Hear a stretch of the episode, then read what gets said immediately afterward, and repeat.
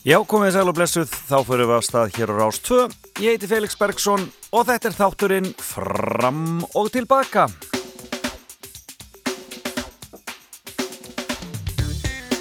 Og það er dietdagurinn í dag.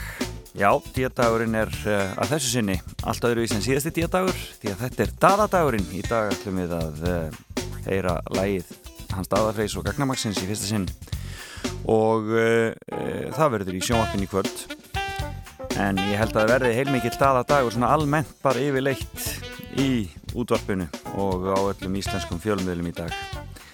Það verður spennandi mjög spennandi framlag okkar í Eurovision í ár. En það verður margt annað í gangi hér og hér eftir smástund verður aðalgestur minn í heimsókn hjá mér. Það er Ugla Stefania Kristjúnudóttir Jónsdóttir eh, mannréttinda frömuður og aktivisti. Hún ætlar að koma í fimmuna og hún ætlar að tala um fimm tölvuleiki. Það verður aðteklisvert e, ótrúlega kraftmikil e, Ugla Stefania og hefur frá Ímsu að segja og og það verður gaman að heyri henni hér á eftir. Hún verður komið hér eftir smá stund og svo er það Mottumars, hann er að klárast. Og ætla að heyra hans í höllu Þorvaldsdóttur framkvæmtastjóra eh, Mottumars og eh, heyri henni hljóðið hérna eftir nýju og um, svona hvernig þetta hefur gengið og hvernig við getum verið með alveg til enda í þessu mikla átæki og mér skilst það að sé einhverju sokkar á leiðinni eh, og við ætlum að spyrja hvað þeir séu stattir Mottumars sokkarnir. Þannig að margir sem fá sér alltaf Mottumars sokkana. Svo eru fréttageturinn á sínasta og þessu sinni eru verðlunin út að borða á Hard Rock þannig að það er til mikils að vinna. Og um, að þessu sinni var ég mjög gladur að heyra í fólki af Reykjanesi í fréttageturinni. Ekki þeim sem hafa verið mikið að ringja áður heldur einhverjum nýjum sem eru svona að upplifa skjáltana og, og þurfa á því að halda að komast að hardrock þannig að um, um, það væri svona, ég, ég svona myndi kjósa að það veri helst þarna fólk af, af Suðunesjónum sem myndi ringja en við sjáum nú hvernig það gerist á eftir Við erum nú ekkert vola hörð hér í þættinu fram og tilbaka, fyrst og hennst ljúf og höfum það hugulegt. Og við skulum bara renna okkur af staði í þetta. Byrjum á að heyra uh, Eurovision lag, það er lag dagsins. Alltaf þannig, lag úr söngvakefni, eitthvað sem vann ekki en var kannski, ég vakti doll aðtikli og þetta lag gerði það sannlega. Þarna ég ætla að spila fyrir ykkur, fyrsta lagi sem að Daði Freyr og Gagnamagni gerðu og kom þeim svolítið á kosti hér heima. Það heitir Hvað með það? Þarna syngur Daði eh, um það þegar hann og Árni voru að byrja saman. Og lagið í kvöld sem við heyrim í kvöld 10 years það fjallar um það hvernig það sé að vera búin að vera saman í 10 ár. Þannig að það er, það er mikið lína í þessu. Og lagið síðast það fjallar um dóttur þeirra Áróru þannig að þetta eru fjölskyldulög hjá nú Daða Frey. En við skulum heyra hvað með það og svo förum við Ugla Stefania að rappa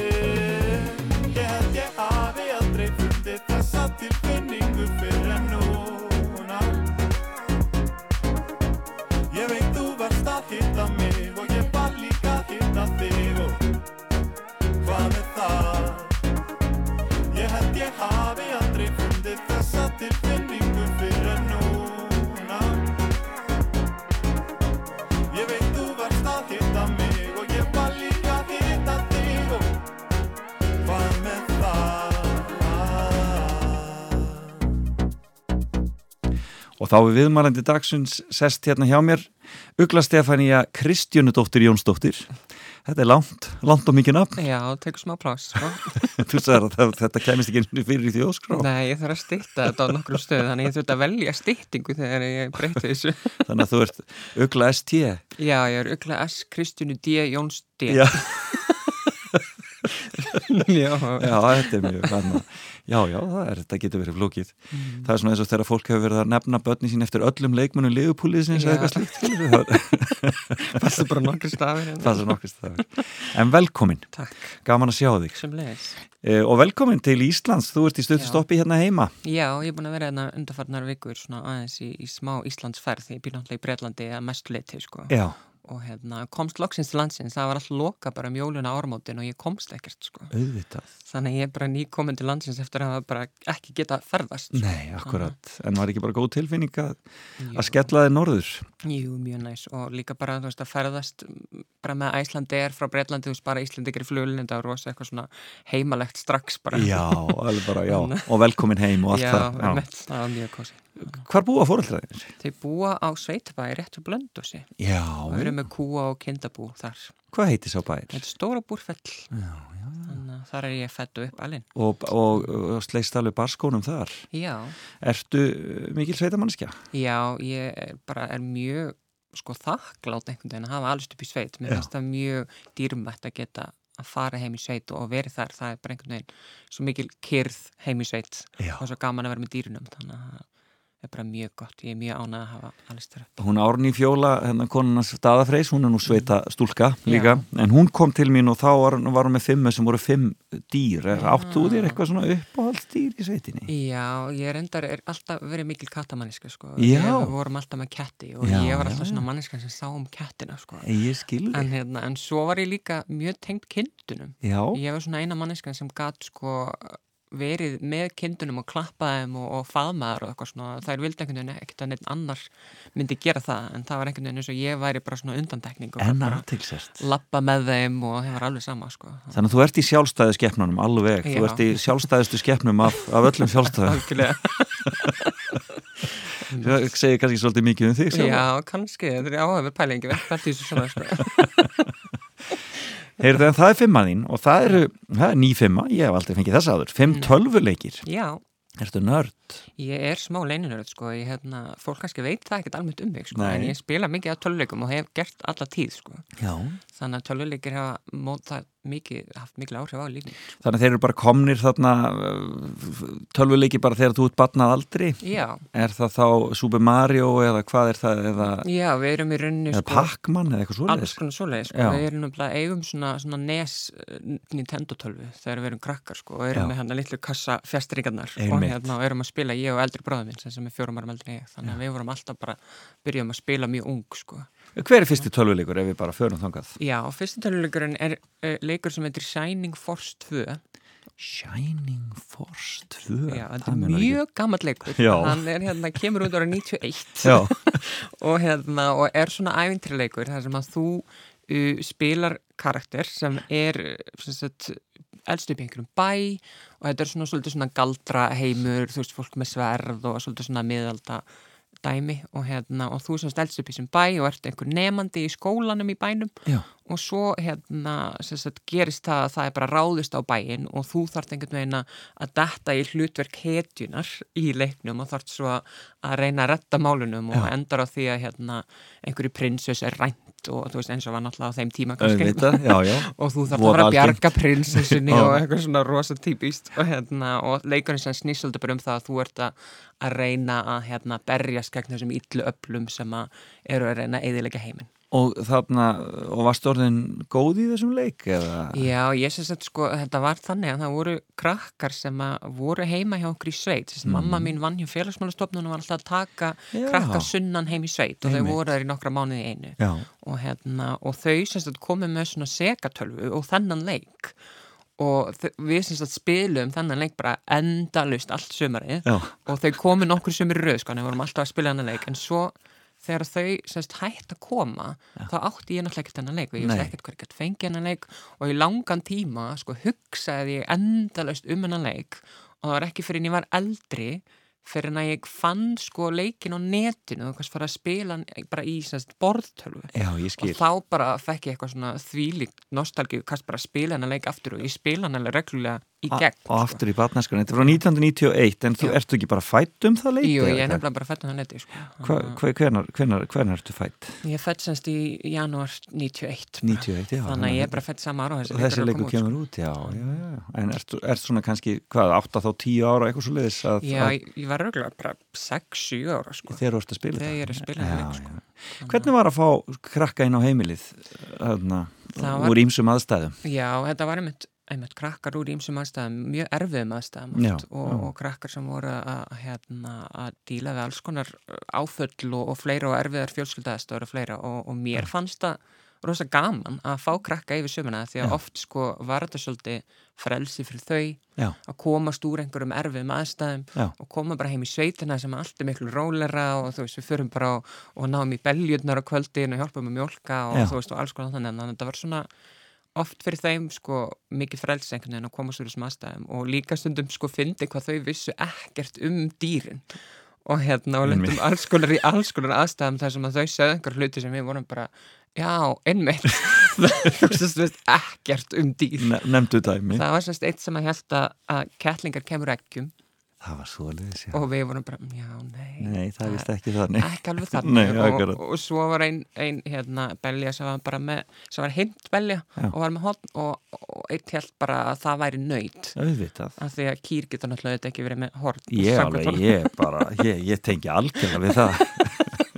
Þannig að þessi það var svona ímsar aðstæður sem það bara, já, hún er samt með risustór júur. Þetta er bara transkúk reyna að þú veist eitthvað, maður veit ekki alveg er á pælingin, sko Já, skemmtilegt Já, þannig að, en, en, en eignastu vini til frambúðar eitthvað af, af þessum krökkum eða hefur haldið í sambandi við einhver af þeim?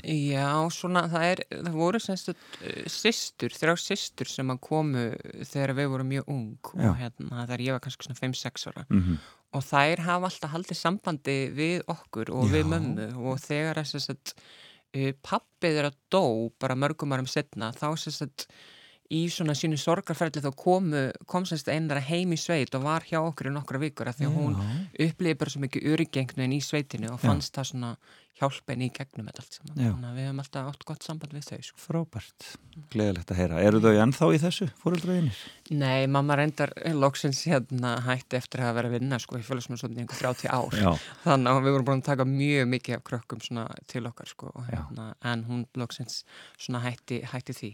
En þetta var svona stittri dvöl Þetta var ekki, ekki raunin fústur eða hvað? Nei, en það var nú reyndar þannig að, hérna, að mamma mín sagt, uh, tók strák í sem átti bara að vera stutt vel yfir sömarið Mhm. og, hérna, og endaði sem sagt á því að hún tók hann í fóstur bara frá 9 til 16 ára aldurs. Já, og það var semst þannig að hann kom eitt sömarið átti að vera hjá henni og svo frettur hann semst bara af því að hann sé bara komin inn á bugl og, og hann, hans fjölskyldaðist að sé bara of erfiðar. Þannig að hún bara tekur sér til og keirir suður og mætir á bugl og segir bara við að hún ætli bara að taka hann og fara með hann í fóstur.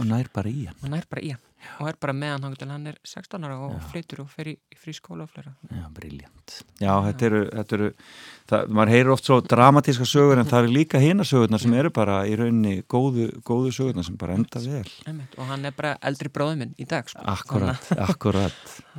Já, heyrðu, ég, næsti leikur. Shining Force var sá fyrsti. Já, emmeit. Númer tvö er leikur sem hann kannski fleiri kannast við sem heitir World of Warcraft Já, og er mjög semst, þekktur leikur sem hefur verið fyrst genið 2005 minni mig og hérna, en er sagt svona netleikur þar sem að þú getur spila með fólk alls ára heiminum. Já, það er, það er nýtt hann á þessum tíma. Já, þetta var semst í rauninni fyrsta skipti sem að svona netleikur kemur út þar sem að þú getur sko hitt bara og spila með öðru fólki alls ára heiminum. og hérna, og ég er held ég þarna 14 13-14 ára þegar þetta kemur út þannig að þetta er mikil einhver svona hérna, nýjung í töluheiminum og ég byrja semst að spila hann töluleik og þessi töluleikur hefur kannski haft sko hvað mest áhrif á mitt líf Sko, en, en, en býrðu þér þá til persónu þarna inn í svona leik eða Já. er þetta svoleiðis? Þú býrðu þetta þinn karakter? Já, þú semst getur valið alls konar svona, svona kynþætti sem eru, þú veist, álvar og, og dvergar og tröll og eitthvað svona og, hérna, og ég semst að bjóð til karakter hérna og, og ég að hafið alltaf þegar ég spilaði töluleiki spilaði einmitt. það var bara svona einhvern veginn eitthvað sem að ég tengdi mikið betur við og hérna og eldri bróðum minn var alltaf bara svona, akkur spilar alltaf hvern karakter og ég Já. bara, Já, þetta er bara næs og hérna, og var ekkert eitthvað að spá að meira- ekkert að ræða það nýtt meira, bara, Nei. bara næs hérna. og, og býsa sem til þannig hvern karakter og hérna, og byrja svo bara að spila og byrja að hitta fólk, þetta er semst á svona á svona, hérna, sem kallar svona server sem að snýst um, hérna, hlutverkaspilun, Já. eða roleplaying. Já. og þar sem sagt býrð þú til karakter Mm og, og leikur hann í þessum heimi svolítið bara eins og að leika veist, karakter í leikriti þannig að þú ert í rauninni ekki að leika sjálfa þig. Þú veist, þú ert að leika einhvern karakter og átt svo samskipti við aðra karaktera sem þessi karakter. Og hérna og þá, þú veist, byrja maður að spila með einhver svona fólki og myndi eitthvað samband og svo fær maður að kynna þess fólkinu fyrir aftan karakterina Ok. og, og þá gera bara einhvern veginn allir að fyrir því að ég sé stelpa. Já. og ég einhvern veginn veit ekki alveg hvernig ég að bregðast við því að því ég var þá í þessum tíma búin að vera í alls konar pælingu varandi sjálfa mig og hver ég er og, og fleira. og ég einhvern veginn, þú veist, er ekkert eitthvað hérna, að ég fengi það því ég er bara svona, já, kannski er það bara málið þannig að þar, þú veist, byrja ég einhvern veginn svona Þannig að þú byrjar að máta því rauninni í hlutverkið í rauninni. já, í rauninni, gagvart einhverju fólki sem bara veit ekkert um mig En magna, og þetta er hægt að gera bara í rauninni á... já, þú veist, þú Þetta náttúrulega gerist náttúrulega bara á netinu. Já, náttúrulega heitir fólk ekki neitt eða þú veist, þú þarft ekkert eitthvað að, þú veist, gera, já, getur bara að tala við því í gegnum, þú veist, að skrifa og gegnum texta.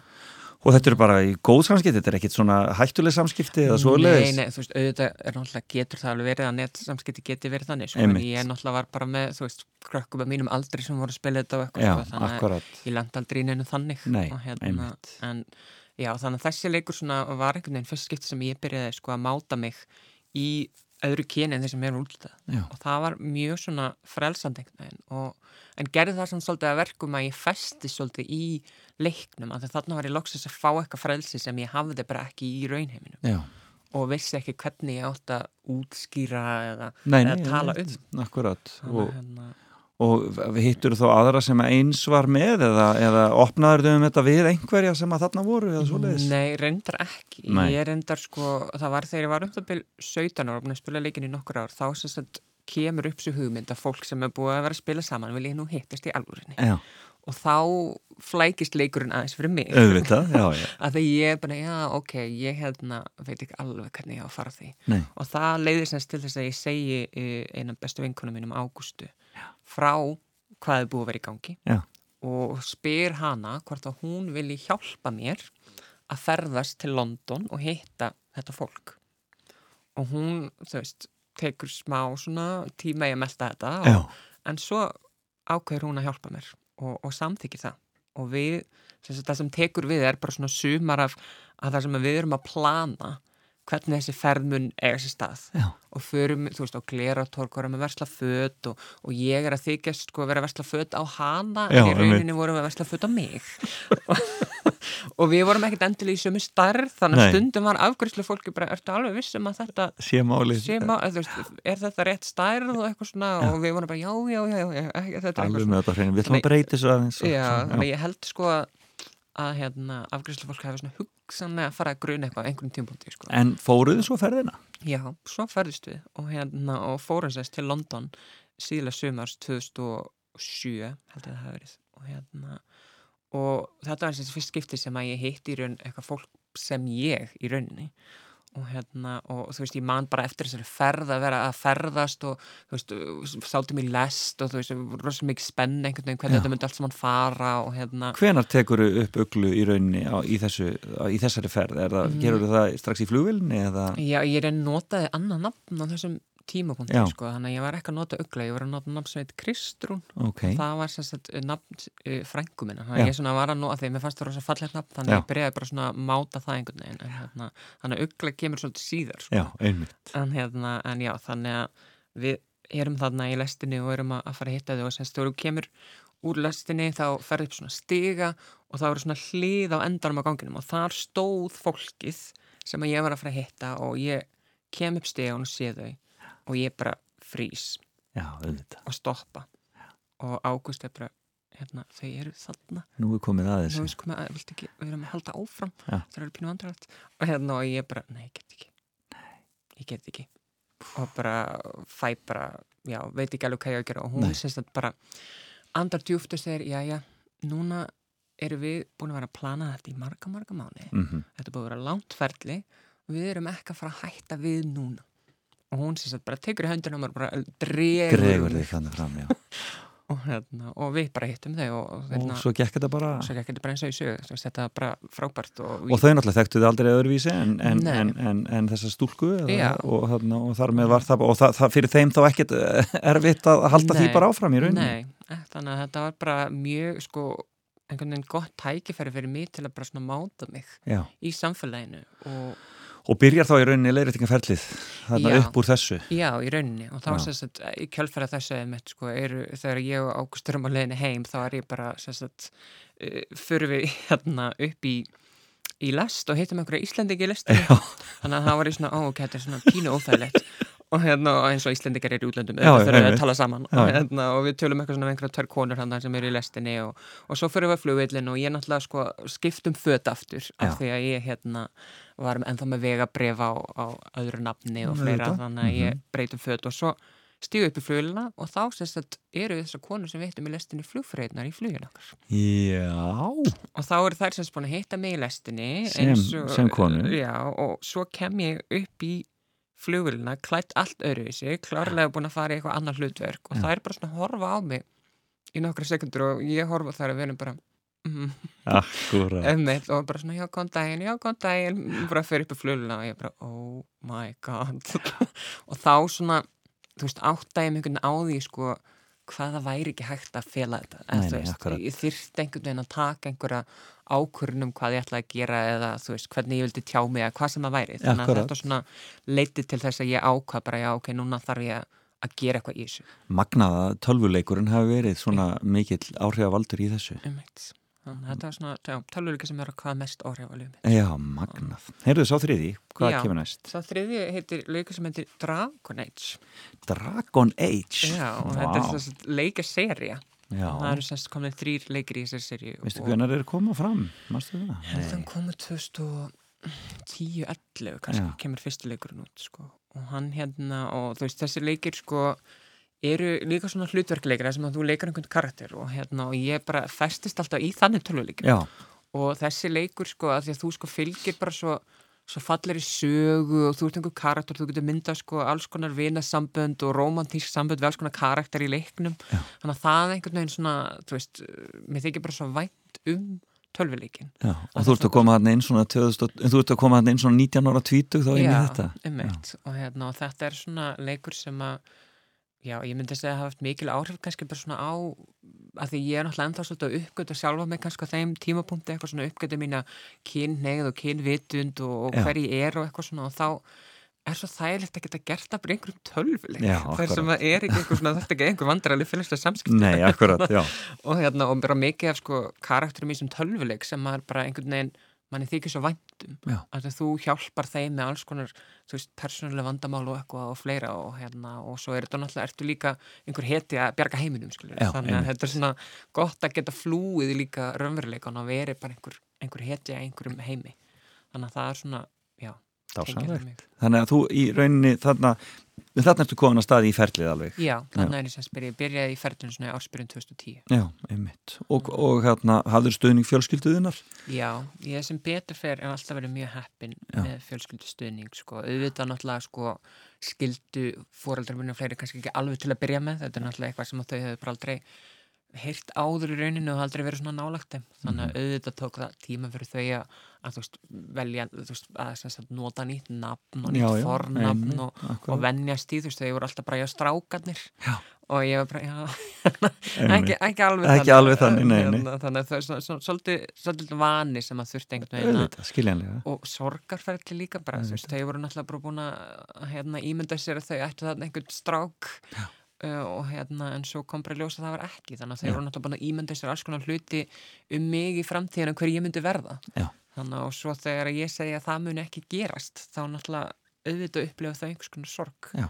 varandi það og ég kannski var ekkert alltaf ná dugleg við að hérna, að, að viðurkenna það og ég var kannski svolítið hérna, ég var alltaf svolítið einhvern veginn, vildi bara þau skildi þetta strax. Já, já, er þetta ekki svo verður þetta ekki svolítið barátta í rauninni? Jú. og ég menna og kannski líka óþólunmæði unga fólksins svo Já. sem sko að maður bara vill að hlutinni bara gangi. Já, og Eh, ég er náttúrulega búin að ganga, burðast með þetta í mörg mörg Já, ár sannarlega, þannig að ég er þannig búin að, þú veist, pæli í þessu mikið en þetta er fyrsta skipt sem þau heyra. Akkurat, þannig að þetta er svona, já, ég kannski þú veist, var svolítið hérna hörðið stundum en það þurfti líka held ég smá stundum. Já, já, þannig akkurat að þetta er svona, þetta er svona, já en, svona standa á sínu líka. Já, en, En þú verður, sko, þú kynnist þér á þessum tíma, þá varst aðeins Já. svona að dubla við, við sviðslistir og annað slíkt að já, ekki. einmitt ég hérna, er einmitt, sko, var í leikfélagi Vaffema Já, og hérna og, og var að- hjálpa í alls konar leikritum og gera alls konar sko, Mhm. og hérna og, og er sem sagt í verkmyndaskólum á Akureyri og er í alls konar, þú veist, listatengdu og fleiru sko. já, og langaði þinn á þá braut eða svoleiðis, eða fóstu eitthvað þangað? Ég fór kannski ekkert að nefni alvöru sko, Nei,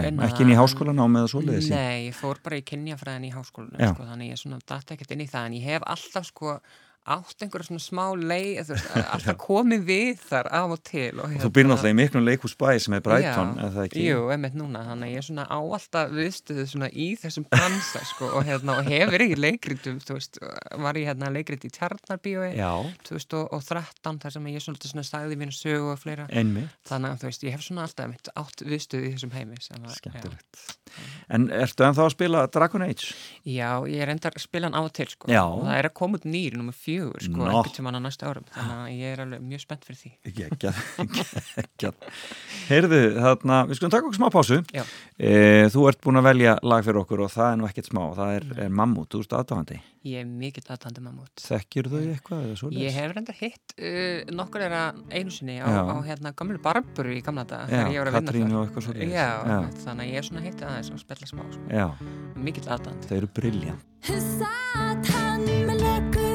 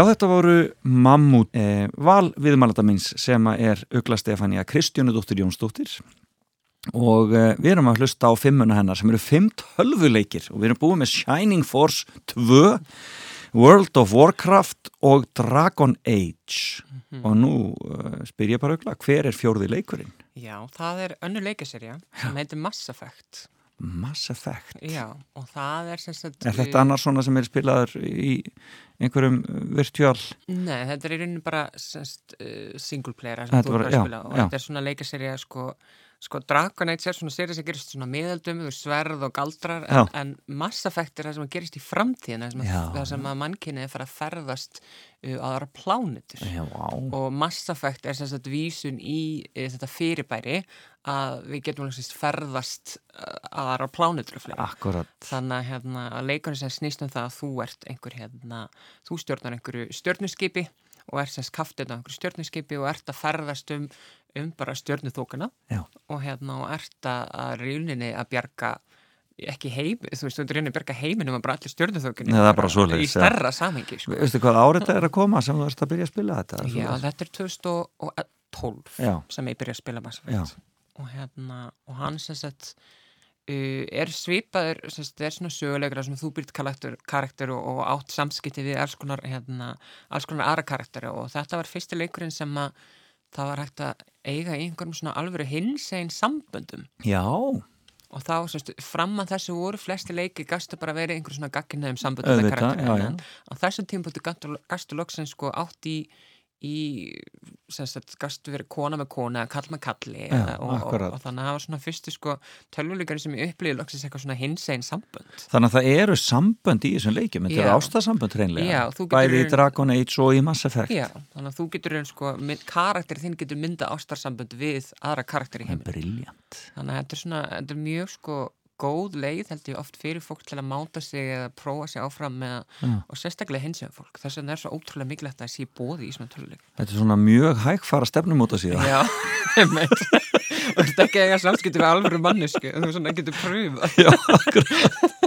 En það má svolítið segja að þetta sé líka þá kannski á þeim tíma sem þú svona erst að verða aktivisti og ert Já. í raunin að stíga inn í það, það hlutverk. já, algjörlega og þetta er þarna já, 2012-13 og þá sem sagt er ég búin að fara í viðtali á hinsendum Já, og það var svona fyrst einhvern veginn svona mitt ofinbara viðtal um það að ég vera í trans og, og, og um mitt líf. Og þá byrjaði mitt boltinn svolítið að rúlla. Já, og þá, þú veist, eru fleiri farnar að hafa samband af fjölmeilar og fleiri og, og allt í henni er ég bara komin í einhver fullt af viðtölum og, hérna, og er bara verð einhvern veginn aktivisti. Já. án þess að sko það hafi eitthvað verið planið En hefur alltaf verið svona uh, mikið, uh, mikið baróttumannskja réttlætis og, og Já, mannréttinda? Ég hef alltaf verið þannig að sko bara lengi sko aðrinni kom út var ég alveg byrjað að tala um mig sem feminista Já, og, og hef alltaf verið, þú veist, að styðja mikið við mannréttindabaratu og, og læt það mig varða og hef alltaf gert það. var pólitík á heimilinu hjá þér? Já, pappi er, er svo tölvögt í pólitík Já. og, hérna, og hefur alltaf verið og hann er semst núvarandi oddviti í sveitastjórn heim Ókei. sveit og, og, Og festur hans yfir flokk eða svoleiðis? Mm, hann hefur ekki, ekki beint gert það. Þetta er náttúrulega sko í sveitin eru bara svona listar þetta er ekkert orðið alveg, alveg þannig en það er endur að fara saman einhver sveitafélög þannig að hugsalega mun að breytast í, í lista sko. Einmitt. þannig að ég veit ekki alveg hvað hann gerir með það sko. Nei, einmitt. en hérna En fyrir vikið þá hefur verið pólitísk umræða á Já, heimilinu. algjörlega og ég og pappi tölum reglulega um, um pólitík sko. Rífistu svolítið? Já, svona stundum sko. en hérna verðum ekki alltaf, alltaf að. 100% sammála um allt sko. ég, er Já. náttúrulega, mjög sterkar skoðanir og Já. pappi minn er náttúrulega hérna,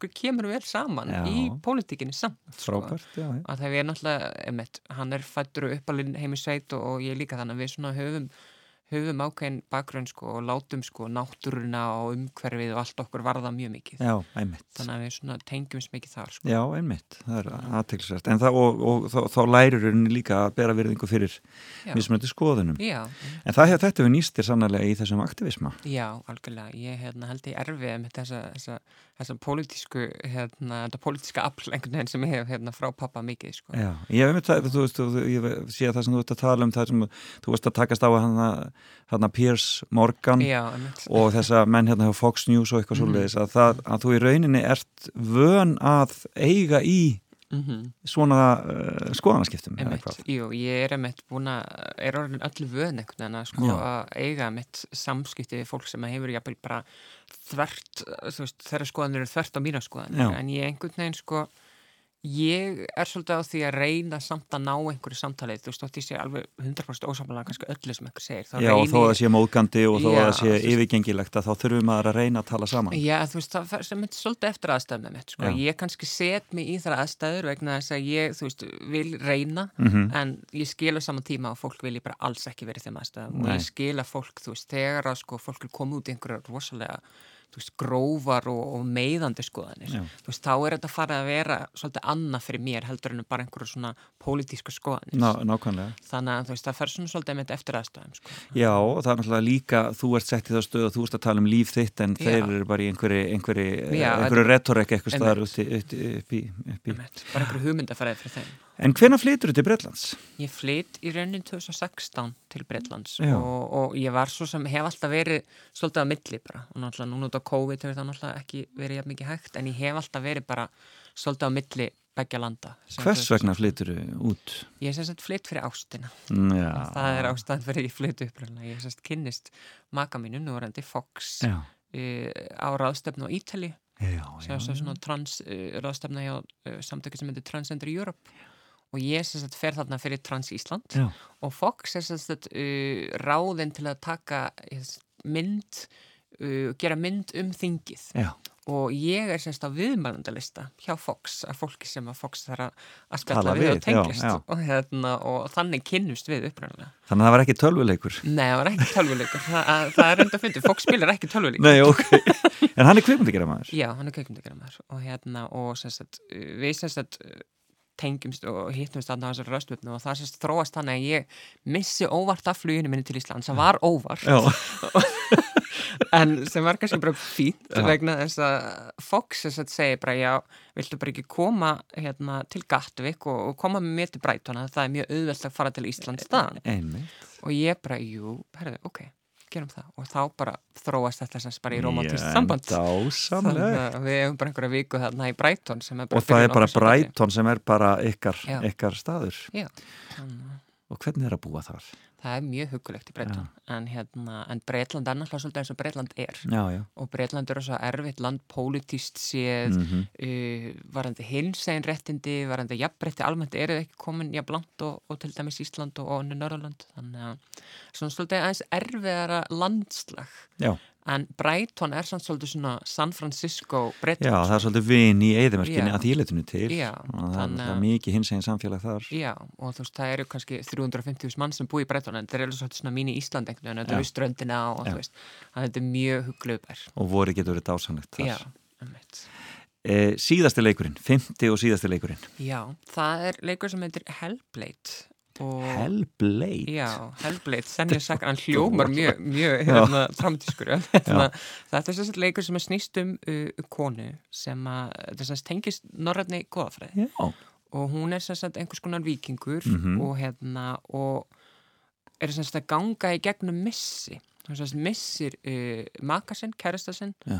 og er í rauninni að ganga í gegnum þetta sorgarferli og hún sagt uh, þróar með sér hérna geðkvarasíki og þetta snýst svolítið um það hvernig er að ganga í gegnum missi sem manneskja með geðkvarasíki og þetta er mjög sko tilfinningaþröngin og áhrifað mikill leikur. Já, hérna hér, þetta er magnað. að því að þú serð sko heiminn bara í gegnum hennar upplifin Já. og þú veist, heyrir alls konar raddir og efasemdir og bara svona í, þú veist, í heyrnatólum, þú veist, hún er að, að reyna að gera einhver verkefni og þá er einhver svona raddir sem er bara, þú getur gert þetta en önnur sem bara, nei, þú getur aldrei gert þetta, þú veist, Þetta er aldrei virka. já, og þú veist, þannig að þú upplifir þetta og hún er sem sagt, En þetta er semst ekki svona stríðsleikur eða svolítið, Hellblade. þú rauninni sko, ertu bara þessi karakter, þú ert alveg að slást við einhverja svona verur og, og fígurur og okkar, en þetta er ekki kannski stríðsleikur þegar þú bara spilar þessa einu, þessa einu mannesku og ert svolítið bara ganga í gegnum svona stig sorgar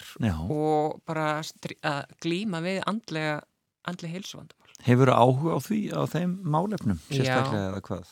Það er svona mér, mjög hugleiki, sko. Ég þekki, hef mitt verið svolítið, svolítið að reyna að vekja aðtekli á þessum málum og þekki mikið af fólki sem hefur verið að gangi í gegnum mjög, mjög erfiða hluti og hafa kannski ekki fengið þá þjónust sem, að, sem að þau þurfa og, og transfólk almennt kannski lifir við verri andleri hilsu bara vegna fordóma og, og útskúanur og fjölskyld og fleira. Sko ég þekki það bara samkynnaði geranum að það var, var staðarind að áunir uh, geðsútumar voru miklu algengar í okkar hópi heldur en annar staðar. Er þetta sama að gerast í trans, Já. Ég myndi segja það sko. Þetta er svona eitthvað sem hefur alltaf verið hlut af mínum aktivisma í rauninni. Og þá í rauninni, rauninni andlegi sjúkdóm sem koma vegna álags eða svo Já, einmitt, bara þessar fordóma og það að geta ekki lifað í réttu kyni og, og fleira og hérna og veist eins og við bara þekkjum þegar að fólk tilherir einhverju minnlutopum bara eins og að sagðir, þú veist Já. að það er svo fordómar og skömm Mm geta gert svo ótrúlega slæma hluti fyrir fólk Já, og sérstaklega þessi skömm Já. og það er eitthvað sem að uh, ég veit ekki hvort þú hefur séð þættina It's a Sin sem eru núna á Channel 4 í Bretlandi. Stórkostlegir. Já, og þar Og maður kemur mikið þetta- að þeir komi, komi inn hérna Algjörlega. hjá okkur. og mjög mikilvæg þættir sem að tala um sko Það er akkurat skömmin sem er svo og þetta og hérna og svona mjög áhrifamiklar uh, ræður og, og, og, og, og bara senur sem að tengjast því nákvæmlega sko. Einmitt, þessi skömm kemur mjög stert þar og þetta er á líka við um transamfélagi að Já, mörgu leiti já. þannig Fólki finnst það hafa brúðist, því finnst það Já. hafa gert eitthvað sem það hefði ekki átt að gera einhvers konar. Já. þannig að þetta er, já, en eh, hvað ert að gera? Svona, hvað, hvað, hvað, hvað, vinnuru? Já, það er góð spurning ég, hérna, þegar fólk spyr að það er bara, já, ég er svona að gera ímislegt hérna, þannig að ég er núna erum við náttúrulega að vinna, þú veist, það er erfitt að búti kvikmyndir Mhm. í miður COVID þannig að við erum svolítið búin að þurfa að leggja það til hliðar núna undanfærið ár og hérna, og erum meira kannski bara að halda fyrirlestra núna bara á Zoom og netinu eins og bara Einmitt. gerist og erum að tala á, á hérna, ráðstöfnum og erum að mæta fundi þannig að við vinnum svolítið bara við það að vera aktivistar í rauninni Já. Og hérna Og eru sjálf ykkur nóg og þurfið ekki mikið kannski?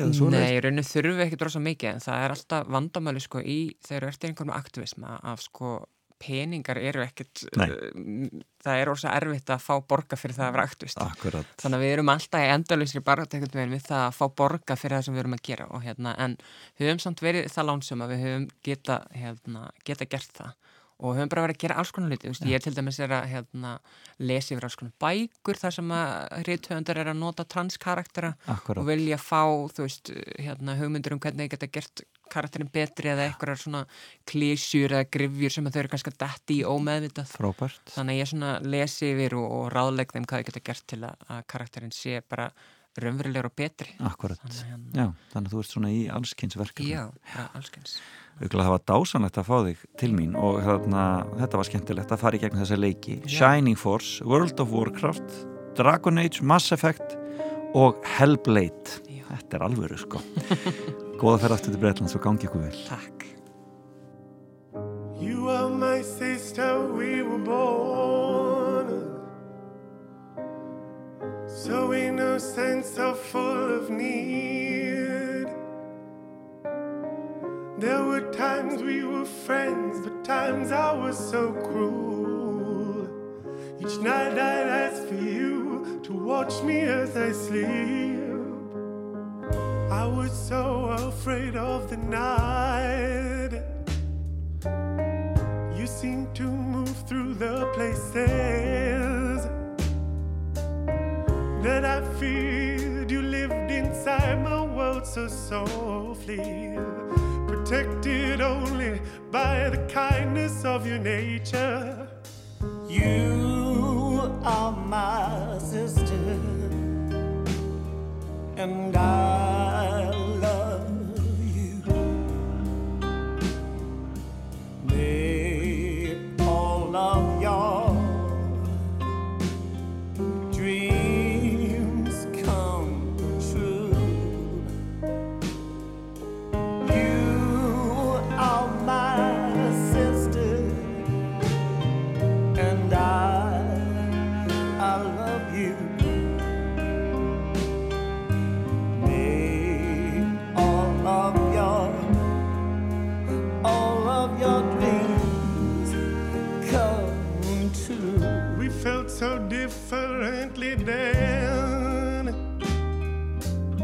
so similar over the years.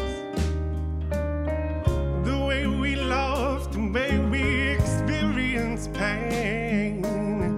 So many memories, there's nothing left to gain from remembering faces and worlds no one else will ever know.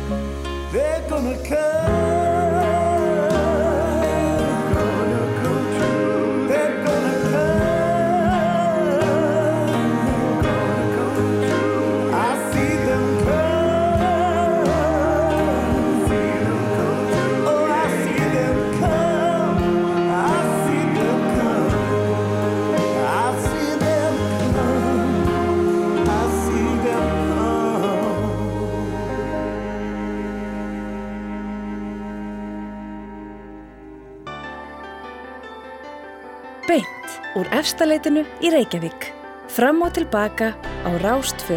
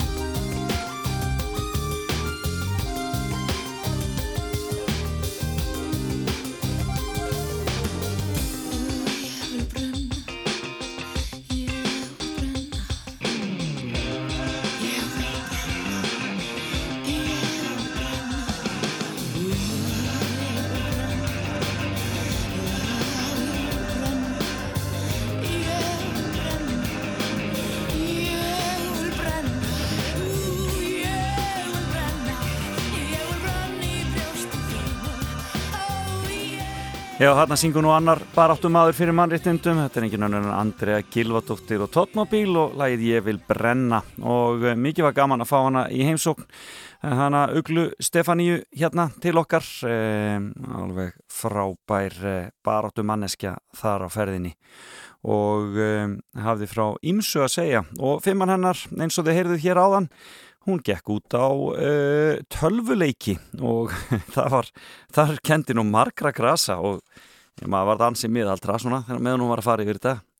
Ég þekkti þetta ekki allt saman, ég skal bara viðkynna það alveg eins og er.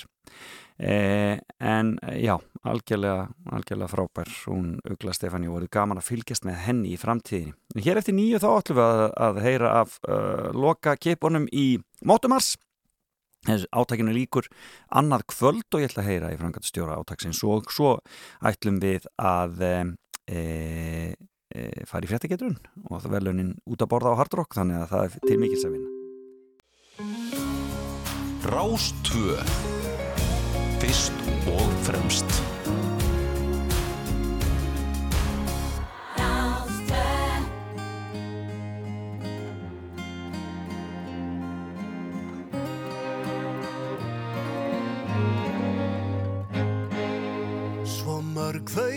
skáldinn um það skrifað sem býr í brjóstin ég fögur hver það aðeins vita þeir sem upp á lifa. Hver hundarlegt það er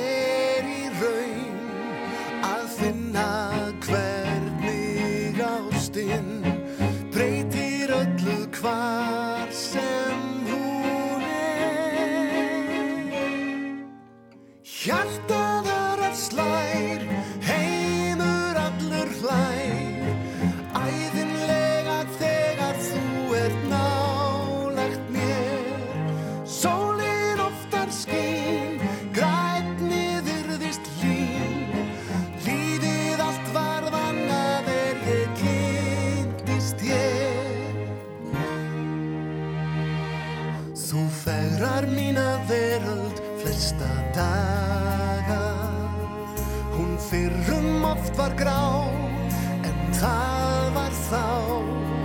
Á skömmum tíma breyst hefur mín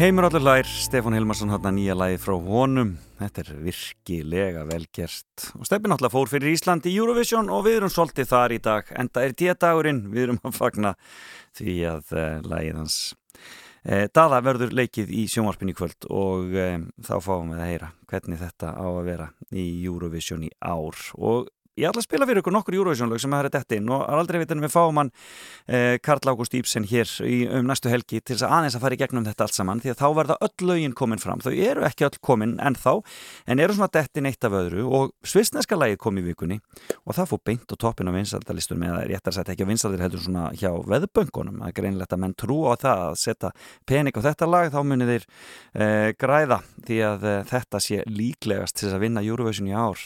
Hvað finnst ykkur? Það heitir To L'Univers.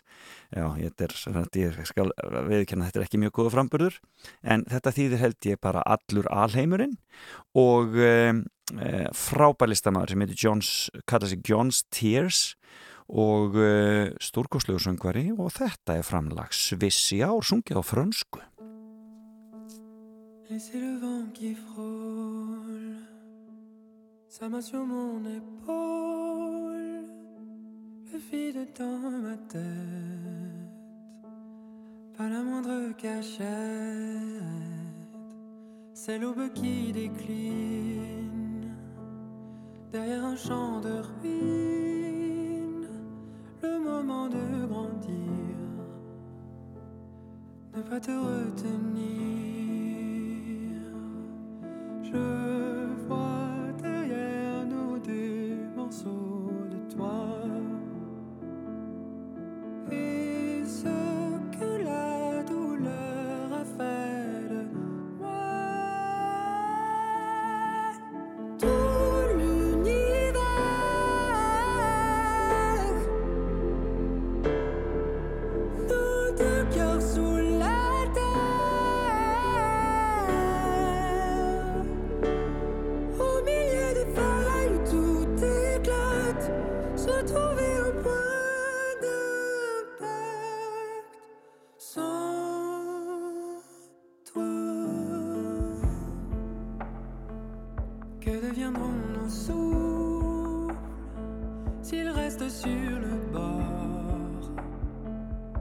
Cet amour qui nous tord.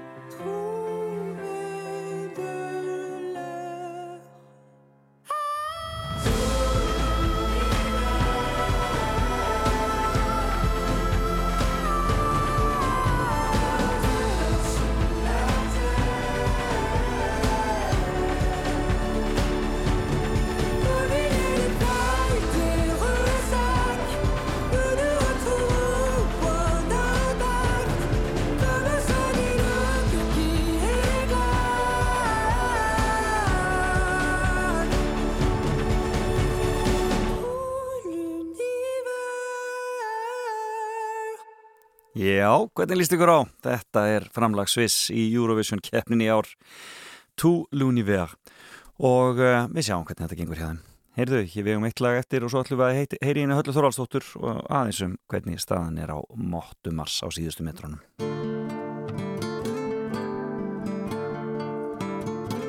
Þú ert að hlusta á Fram og Tilbaka með Felix Bergsinni á Rástfö.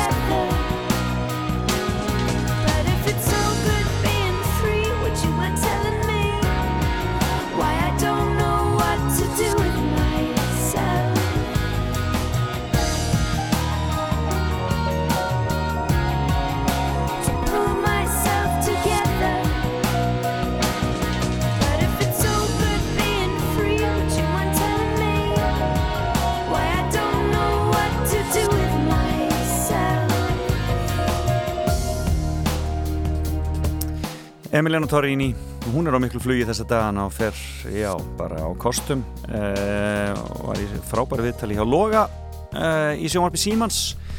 Mæla mig því að fólk hefur ekki séð ótrúlega flottu listamæði þarna ferðinni. En það er Mottumars og í Símanum er Halla Þorvaldsdóttir sem er frangatastjóri Krabbaminsfélagsins komdu sæl og blessuð Halla Já, góðan daginn. Góðan daginn, er ég að gera það rúmröska vekjaði svona snemma á, á hérna, á hérna uh, lögadegi. Nei, reynd ekki sko. Ég ætti að vera að fara nút að skokka sko. Nú, það er bara að- svoleiðis. Ef ég væri ekki að tala við þig sko.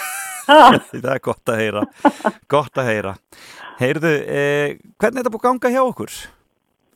þetta er búið að ganga bara mjög vel. Já. En þetta er líka búið að ganga svona, það er búið að ganga á ímsu sko. Já, akkurat, ég er að heyra eitthvað af því.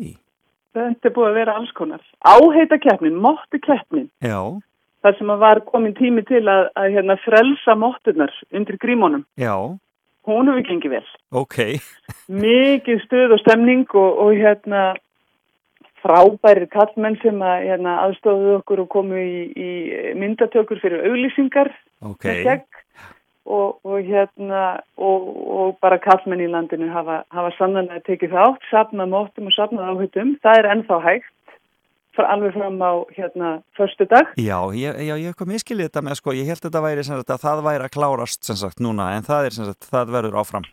Já, það er, það er fram á förstu dag og, og við sjáum það, eh, þekkjum það nú svo sem af reynslu að, að það er alltaf mjög góður endasprettur Já, í er ekki, Sumir eru, eru ennþá bara búinir að skrá sig og ekki búinir að sína myndina sko. já, þetta eru keppnismenn, sko, eru Já, sko. það er, það er alveg augljúst sko, á meðan aðrir er alltaf að taka þetta eins og langhlaup sko. Já, En það er nóg eftir þar og ég hvet fólk til að hérna bara fara inn á móttumars.is og skoða myndir af þeim köllum sem eru búinir að byrta mynd nú þegar því þær eru mjög skröðlegar og skemmtilegar þessar Ok. mottur og heita á þá. Það er frábær stemning sko. Ja, en hvað er, hvaða vesen er þetta búið að vera með sokkana? Sko, ég er einn af þeim sem að þarna, kaupi nú alltaf móttum á sokkana nú, ég held ég sé bara með þessi í mínum frá því í fyrra Ok, en ég væri ok. ekki búin að fá þá uh, í ár samkvæmt nýjustu, nýjustu fréttum. Nei, nei, en þú ert ekki einn af þeim sem er enda á berfættur í margt af því þú ert ekki búin að fá móttumars Nei, ég vísi ekki. Að Ég nota bara mína frá í fyrra. Já, gott, gott. En við höfum fengið svoleiðis kvartanir. Fólk er orðið mjög spennt. Já, En við höfum sko, þetta er, eh, ég veit ekki sko, ég var, áður en ég fór að tala við þig, þá var ég að hugsa hvort ég geti komið með eitthvað svona góðan titil á bók, spennusögu, já, svaðin fyrir sokkana. einmitt eitthvað svo leiðis, já. En, en, Hvar hérna, eru sokkarnir? Þeir hafa nefnilega, þeir hafa lent í ymsuð, þetta var knaft í tíma sko, Já, þeir voru að koma frá Kína eða hvað? Já, Já, það er langan veg. Það er alltaf langt, sko, sérstaklega á COVID-tímum kannski. Jú, og hérna, og svo var ekki bara COVID, sko, heldur hérna, varð flutningafyrirtæki sem fluttið það frá Kína, það var fyrir netárás. Og, og þetta er náttúrulega bara eitthvað sem að maður heldur nærði því að fólk sé að búa til, en það var vist raunverulega ekki þannig. Þannig að þeirra skipið og Já. allir hjá krafminsfélaginu voru byðu, sko, með uppbrettar ermar og Já. skálmar að taka við sokkunum, pakka þeim og senda úr húsi aftur. Þá fengum við símtal. Sokkarnir voru ekki um borði í skipinu. já, hérna hér Heldur einhver staðar út á rúmsjó á leiðið frá Kína en þá. Þannig Já. að staðan er núna þannig Já, að sagt, okkar samstarfsæðilar eh, sem eru eimskip sem að vaka yfir þessu dag og nætur núna Æsland er Cargo sem að ætla að bjarga þeim þá með flugi frá Belgíu til okkar og TFG Simsen sem að eru svona yfir og allt umkring í þessu. Þetta lið er sem sagt búið að, að koma því þannig fyrir að við fáum þá í hús í skóliðina klukkan, milli klukkan 8 og 9 og 50 morgunin næsta ok og þá verður bara allt sett í gang. Þá hefst salan í skóaliðinni og við komum öllu út í verslanir alveg eins fljótt og við mögulega getum. Já, og treystum því að sko dyggir kaupendur verði jafn sko snöggið að bregðast við. já, akkurat. Já, já, við treystum á það, það er engin spurning. Já, já, já, já, já, já, þetta er alveg hérna, Þetta verður eitthvað. ómissandi þáttur og, og þeir eru skemmtilegir sko, þeir eru óslega sumarlegir. Já, ég Það sá er gott það. mér finnst núna. það- Já, meni, ég sá það, skemmtileg mynd. Þetta Það er, er gott núna þegar þeir koma svona seint sko, já, akkurat. af því að vorið er að koma. Já. Þeir Ég, mér, smelt passa við sandalana. ég, mér fannst þeir nú, þeir sumarlegir fyrir líka, sko. Jó, ég er voru Svona það, þeir eru alltaf verið skemmtilegir. Já, svona léttir og sumarlegir, sko. Já, já, Svona, það er það, það segir sko. manni svolítið að vorið sé að koma, en Nákvæmlega, mynd okkur einu sinni enn á hvers vegna þið haldið Mottumars, svona bara Já, í lokin, þannig að við vitum já, hvers vegna við erum inn á mottumars.is og taka þátt í þessu. já. Sé er náttúrulega alltaf svona tvíþægt átak, það er uh, fjáröflunar átak fyrir krafmjölsfélagið sem Mhm. að byggir allt sitt starfa á fjáröflunar fjö. Mm Máttum að sé er alltaf skemmtilegur. Alltaf, það er alltaf einhver, einhver stuð, einhver stemning, en undir tónin eru þetta, þetta alvarlega mál að hér á landi greinast um 860 kallar á hverju ári með krabba minn. Það er millir 2 og 3 á dag. Já, og við þurfum auðvitað að gera allt sem við getum til þess að þessi hópur sé ekki svona stór að honum vegni ennþá betur heldur en rauninni er það eru, þó árangur sé góður hér á landi, þá er alltaf hægt að gera, gera betur. Við missum ennþá yfir 300 kallmenn á, á ári úr krabbaminum það eru þetta allt og margir. Já, Þannig að við þurfum að, að hérna, eh, uppfræða kallmenn og þetta konur líka um hvaða einkennum þeir þurfa að vera vakandi fyrir. Kallmenn fara svolítið of seint til lækna, já, þeir býða oft of lengi. ok, Það er ekki nógu gott, þannig við þurfum að kenna um það og, og notum nottumar skjarnan til þess.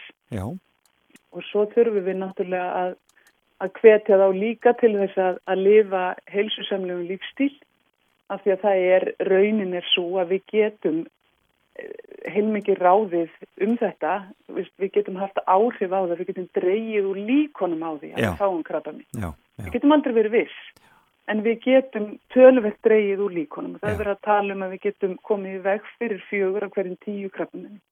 já, með, það er þá reykingarnar og það er mataræðið og það er annað slíkt og Já, hreyfingin það og er þetta allt saman. akkurat, akkurat. Vera ekki, ekki of þungur, reykja ekki, drekka, Drekka eins minna, lítið og mögulegt er og, og, og reyfa sig. Þetta eru svona þessir, þessir fjórir þættir, aðalþættirnir. Sko. Og svo vera vakandi fyrir einkennum.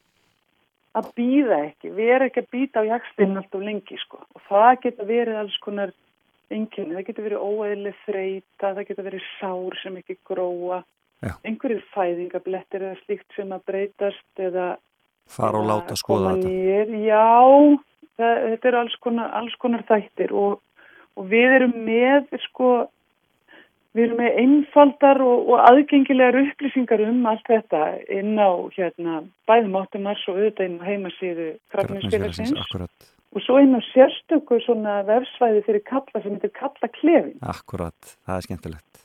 og Bara rekka strákan af stað, absolutt. Já, já, fylgjast, fylgjast með sér, vera vakandi og, og hérna, já, vera vakandi. kíla á þetta. Kærar þakkir fyrir þetta, gaman að heyri í þér e, Takk sömuleiðis. og þarna ég segi bara gangi ykkur áfram vel, Halla Þorvaldsdóttir, frangatastjóri Krabbaminsfélagsins og takk fyrir þetta frábæra framtak sem mottum að sér. Takk, kærlega. Heyru, ég fann fyrir því Eurovision lag sem heitir Mustache, er það ekki bara Frábært. það ekki mjög vel við? Það á náttúrulega algjörlega við, hérna þakki. Þetta er Frakland Ég syng með. Bless, bless. Bless.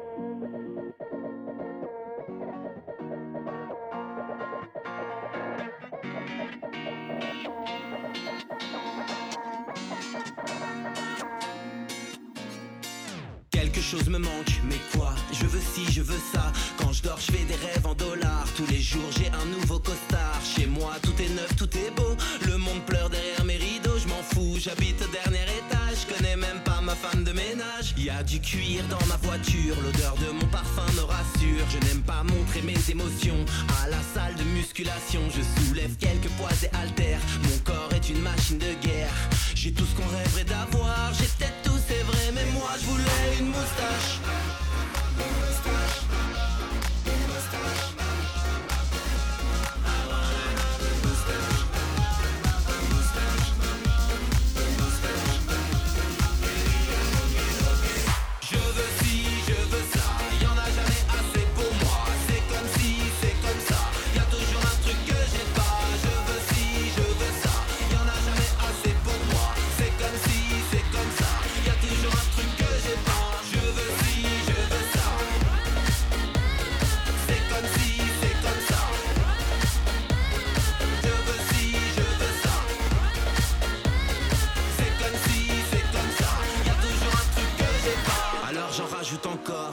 Choses derrière mes placards. J'ai des amis quand même, et même j'ai des amis qui m'aiment. Je me dis j'ai tout pour plaire, j'ai tout pour, j'ai le monde à mes pieds, c'est fou. J'ai tout ce qu'on rêverait d'avoir,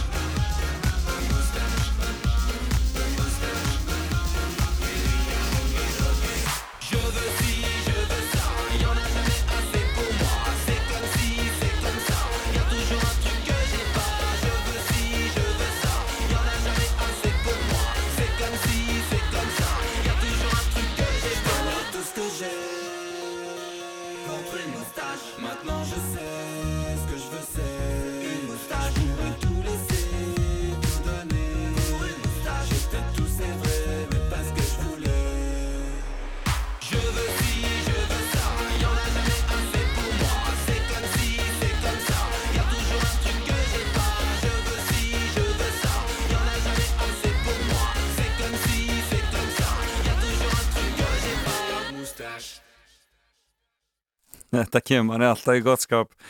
Þetta voru frakkarnir frá 2014 og Mustache og átti mjög vel við þegar talaði er um Mottumars. En uh, ég ætla að heyra eitt Eurovision lag viðbútt. Growing Up is Getting Old er lag Bulgaríu í ár og hún heitir Victoria sem uh, syngur það. Þetta lag uh, er líka vekja mikla aðtekli og uh, gott að það var ekki komið í annarsæti hjá veðböngunum strax. Uh, uh, hún er svolítið í uh, já, anda ímissa erlendra söngkona.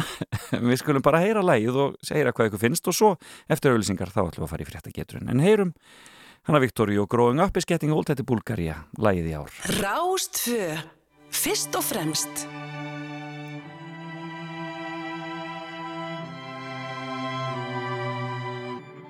Playing Tetris with my feelings, trying to keep them all inside.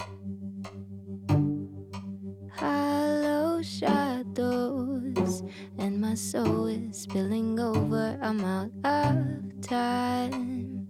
Mm-mm. Closing every door, wanna be alone. Is the way that I survive. Sick of wanting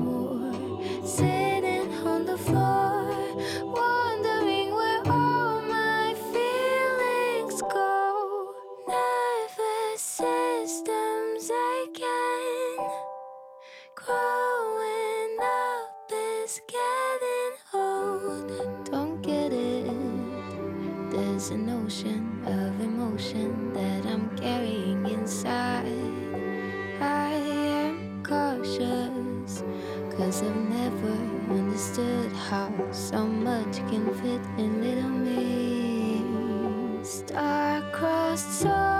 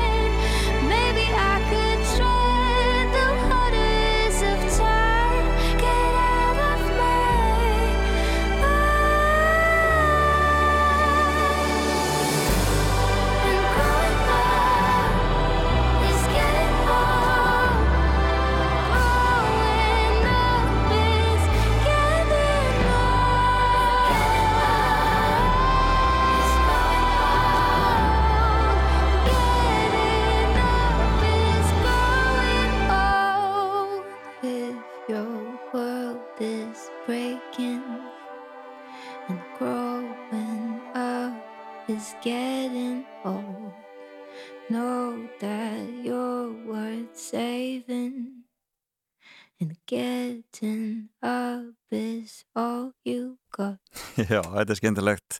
Lægi frá Búlgaríu í ár, Growing Up is Getting Old. Hér eftir smástund, ára fyrir það ekki frétta getur. Velkomin á Fætur. Fram og tilbaka á Rástfö.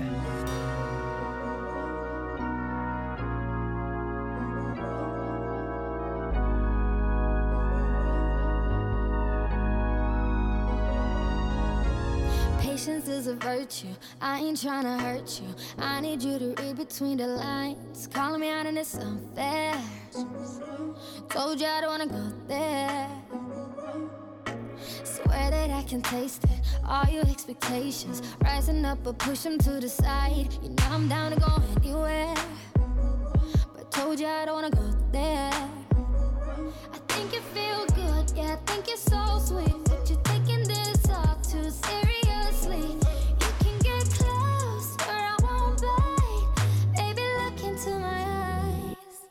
I don't wanna talk about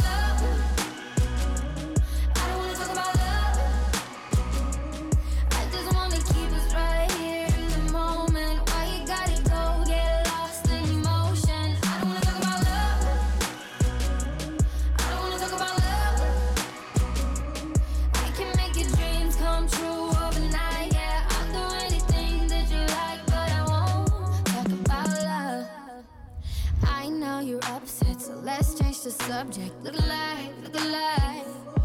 Yeah, yeah, yeah, yeah, yeah. You'll be okay, yeah. I think it's so cute, yeah. I think it's so sweet,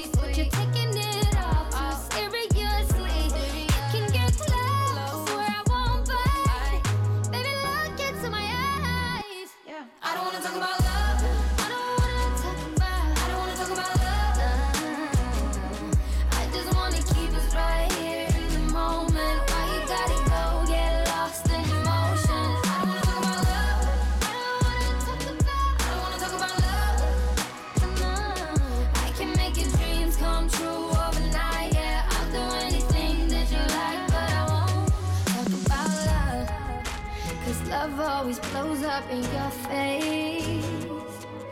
Love always goes south in the worst ways. Yeah, yeah. Right now I'm not in the headspace.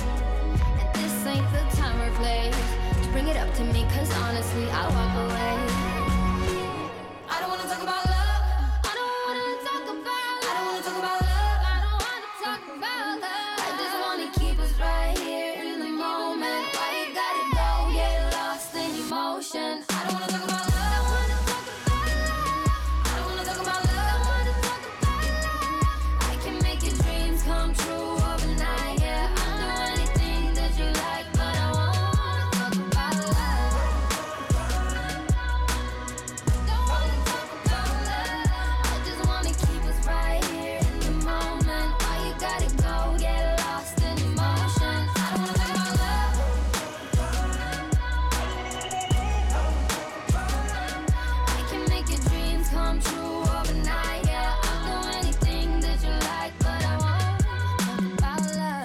Þetta er einn sænska Sara Larsson og Talk About Love. En þá er frétta geturinn að stefið okkar farið í gang og ég vil hvetja þá sem eru á Suðunessjum, á Reykjanesi til að ringja þessu sinni. Og byrð þá sem að hafa kannski verið að vinna svona undarfarna tvo mánuði að vera ekkert mikið að ringja og leifa öðrum að prófa sig við frétta geturinn símin 5687123 5687123 Og ástæðan fyrir ég byrð Suðunissamennum að vera sérstaklega duglega að ringja er að ég tel að það fólk eigi inni að fara á Hard Rock eftir allan hristingin undanfarið og það loga alla línur, ég vissum að þetta er Suðunissamenn en svo sem það megi aðri reyna líka, það er ekki það, ég er bara svona að hvetja þá sem er hérna fyrir sunnan mig og búin að vera í hristingnum, við skulum sjá hvort við finnum eitt hérna. Góðan daginn Góðan dag Halló, heyrur í Já, mér? dag. Góðan dag, Já, góðan dag. hvaðan er þú að ringja? Herðu, ég ringi nú frá Akureyri, ég fór í pásu frá skjáltunum. Já, það er almennlegt Ég býr, býr, býr í Reykjanesbæði. Þú býrði í Reykjanesbæ, fórst bara í pásu svona hefur helgina Já. Já, gott hjá þér, gott hjá þér Er, er þetta búið að vera ansi mikið tristningur upp á síkastið? Já, þetta er búið að vera ágætt, maður er bara, maður er bara uh, að skjálfa held ég. Já, Þetta er bara, akkurat. maður hristist bara, held ég á þessu sjöðu skjálta. Svo svo magnað hvað fólk finnur þetta mismunandi, sko, svo er það svo magnað. Já. Sko. Heyrðu en þá byrjum við bara á Reykjanes, Reykjanesunni fyrir þig. Að það hefur verið mikið í fréttum í vikunni, en í vikunni var sem sagt kvalreki á nesinu. Hvar var þessi kvalreki?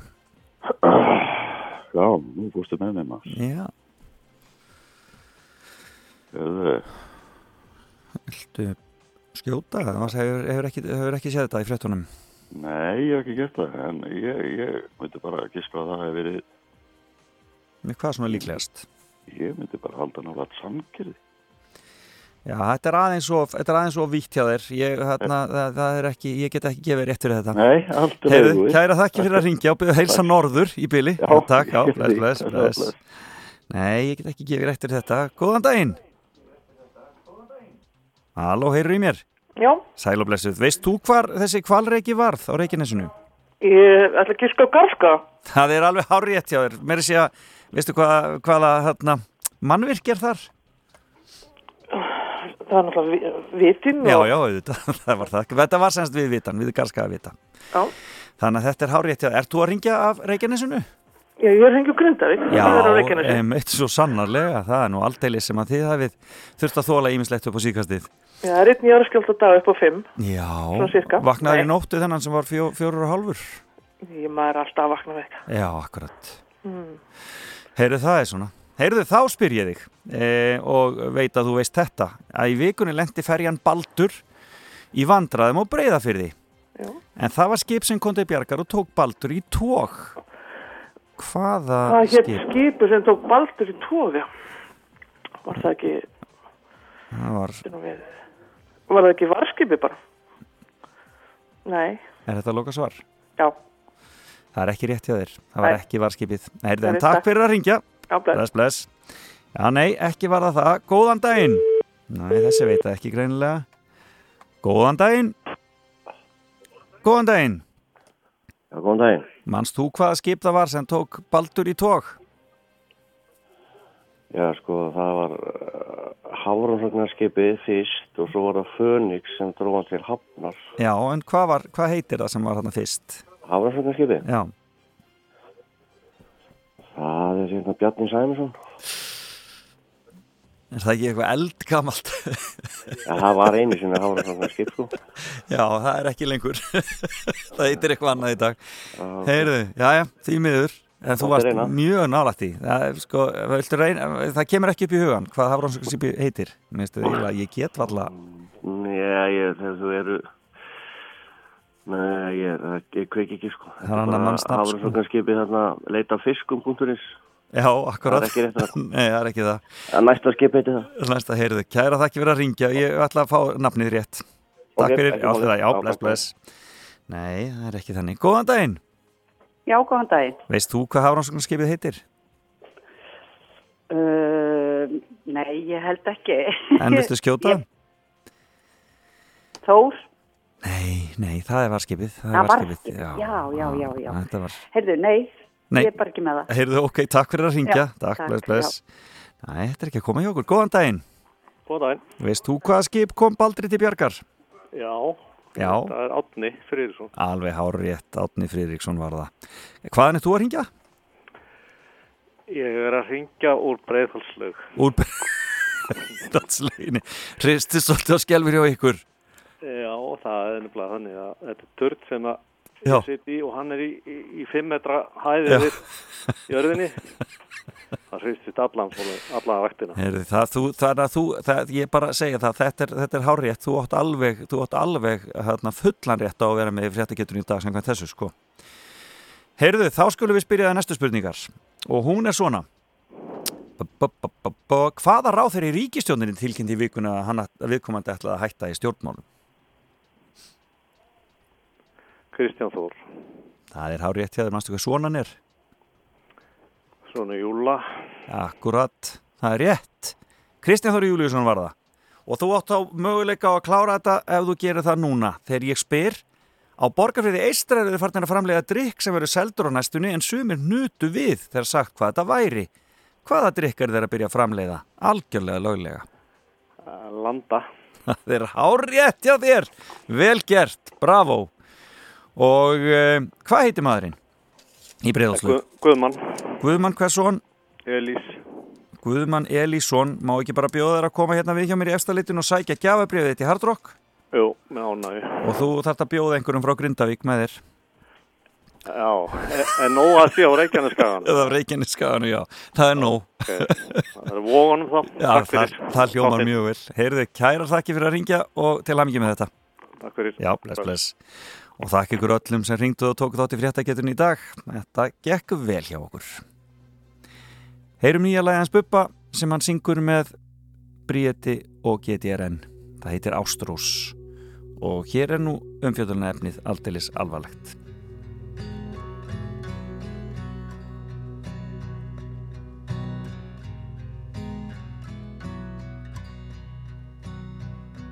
Hann var látin er löggan kom á staðinn Lagð á mig hendur, sagð hún för Hann var skrýmsli og skaðinn sem hann olli. Gaf mér einn grannar að kosta völ. Varða vernda börnin rjúfa þessa hlekki. Þeir fella óða hund er það ekki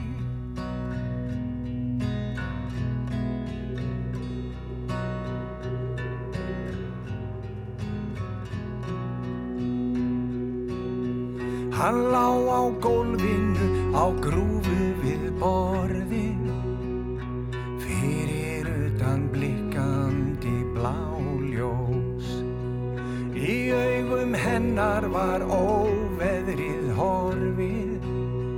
Hún sagði að nafning sitt væri ástrós. Varða vernda þau brjóta þessa hlekki Þeir drepa óða hund er það ekki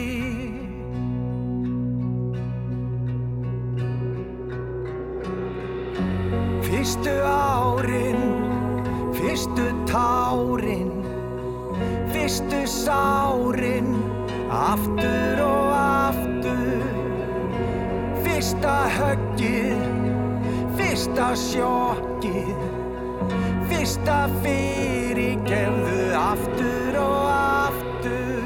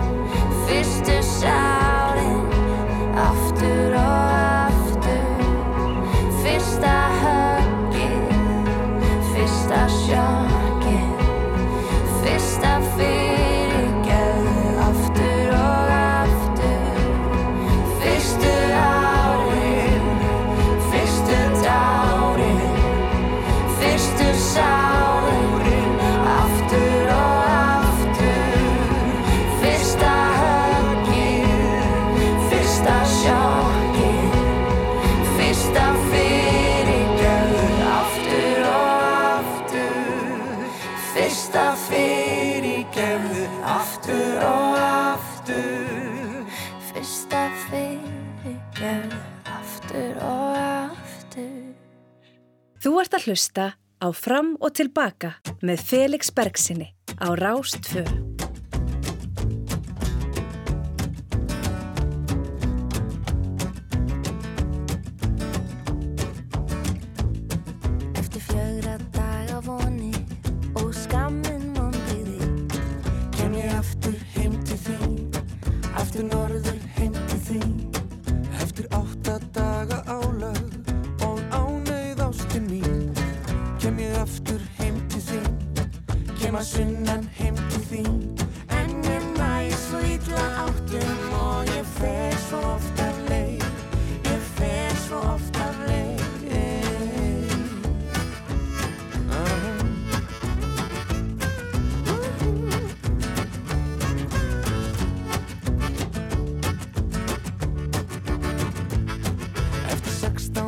Daga sorgir Og sánleg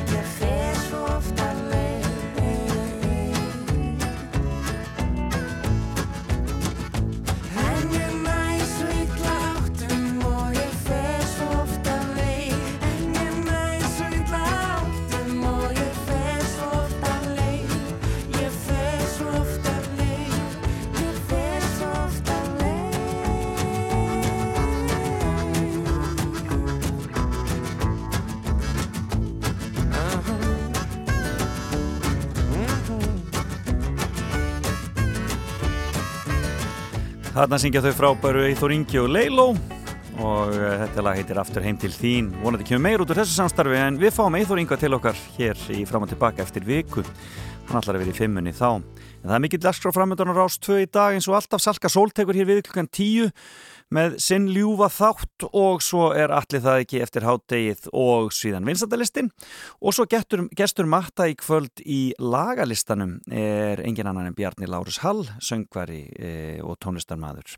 Á morgun er síðan af, uh, mikil sunnudagsdagskrá eins og alltaf hjá okkur Rástöð sunnudagsmorgun með Jónu Ólaspyrja klukkan 9 heilaristingurinn, hann er klukkan 11 það verður hörgu þáttur á morgun. Ég veit að það er mikið, mikið stuð og komað meðal annars Ari Eldjárn og Páll Óskar þar við sögu. Og síðan eru sunnudagssögurnar eftir hádegi þannig að eh, já já, endilega verið áfram með okkur hér á Rástvö og svo er það auðvitað sjónvarpið. Það er nú aldeilis eh, spennandi eh, dagskrá þar. Í kvöld nýið þátturinn eh, Ströymar, hann fer af stað klukkan 19.45 og í kvöld er fjallað um Eurovision. Og lag, lagdæðafreis verður frumflutt í þættinum. En eh, í Ströymum er svona fjallaðan tónlistastefnur og tónlistaströyma í gegnum tíðina. Byrjum á Eurovision, svo verði, að verði þarna þáttur um nýjönda ártvíðin eða 80s eins og það er kallað og, e, og fleiri e, stefnur verða teknar fyrir þarna í þessum þáttum og frábæri tónlistamenn komum við sögu og flytja lögin svona í sínum útsendingum. En við ætlum að heyra meira af Eurovision lögum og hér er framlag breyta í ár. Hann heitir James Newman og þetta lag heitir Embers. I know my fire burns low, but as long as you're with me, I'll never get cold. Day and night, through darkness and light, I never worry when you're by my side. Oh, feelings change and seasons fade, but nothing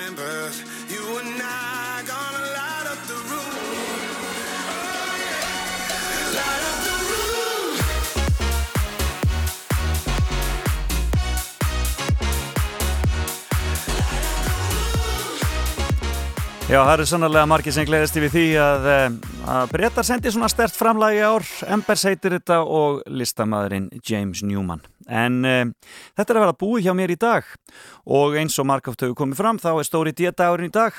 Daði Freyra frumflýtja lægi sem verður okkar framlagi í Eurovision og eigum við ekki bara enda á læginu sem átti að fara í fyrra en, uh, og hefði gert það svo gott. Think About Things, heyrumst aftur eftir viku, Salka Sól tekur hér við eftir smá stund.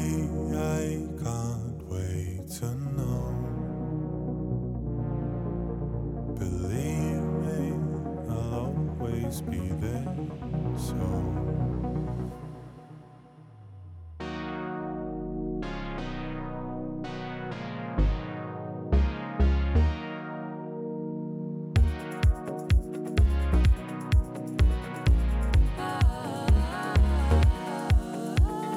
Though I know I love you, I find it hard to see how you feel about me. Cause I don't Are yet to learn how to speak. When we first met, I will never forget. Cause even though I didn't know you yet, we were bound together then and forever. And I could never let you go. Baby, I can't wait to know. What do you think about things? Believe me, I will always so.